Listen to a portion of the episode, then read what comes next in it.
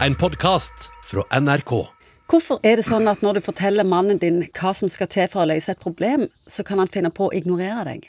Men hvis det kommer en bekjent eller en nabo på besøk og sier akkurat det samme, da hører han plutselig etter. Egon Hagen, hva skjer her?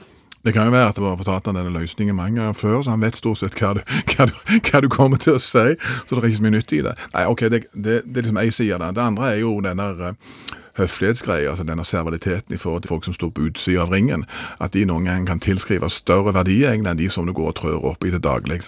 Og det er kanskje litt den, den mekanismen egentlig vi toucher borti nå. Har du en, noen som står deg tett på, som har veldig gode råd, så er det klart at det betyr noe å bare neglisjere det og, og, og stå med store øyer og ører hvis en eller annen nabo, som nødvendigvis ikke har så mye greie på dette, mener noe om dette. Kan være litt irriterende. det er et sånn. merkelig fenomen, syns jeg, for det blir på en måte sånn at den du egentlig liker best, er den du hører minst på. Ja, men det, den tar du òg mest for gitt, kan du si.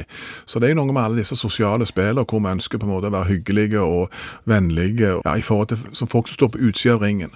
Og Da kan noen, noen ganger tilskrive deres meninger større verdi, fordi at det tar seg ut på et eller annet vis.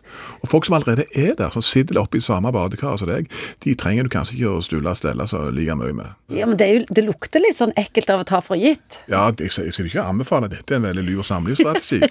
på ingen måte. Men jeg, hvis vi skal forklare det, så tror jeg kanskje litt det der er at det er en sånn stabilitetsgreie som altså dukker inn med en gang det er folk som står på utsida. Ja. Og vi føler kanskje at vi er forplikta til å gi det større oppmerksomhet enn folk som allerede er liksom innenfor vår ring. Hvis du, hvis du innenfor ringen har begynt å oppføre deg sånn, hvordan kan vi gjøre oss så viktige igjen? Ja, altså, jeg kan ikke snakke om det. Kan ikke du høre litt på meg da av og? Det er ganske irriterende etter hvis jeg tipser om en film, og så gidder jeg jo det. For det er noe med det der, hva er det du metakommuniserer? Hvis du aldri gidder å sjekke opp den filmen som kona f.eks. foreslår, så vil jo du indirekte formidle at du har ikke spesielt mye greier på film. Eller, det er ikke så viktig for meg hva du sier. Nei, sant. Og det er jo liksom mm. alle disse små tingene.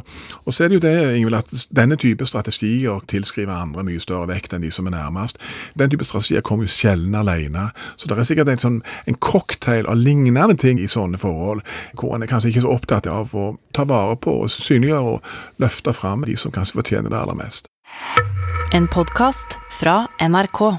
De nyeste episodene hører du først i appen NRK Radio.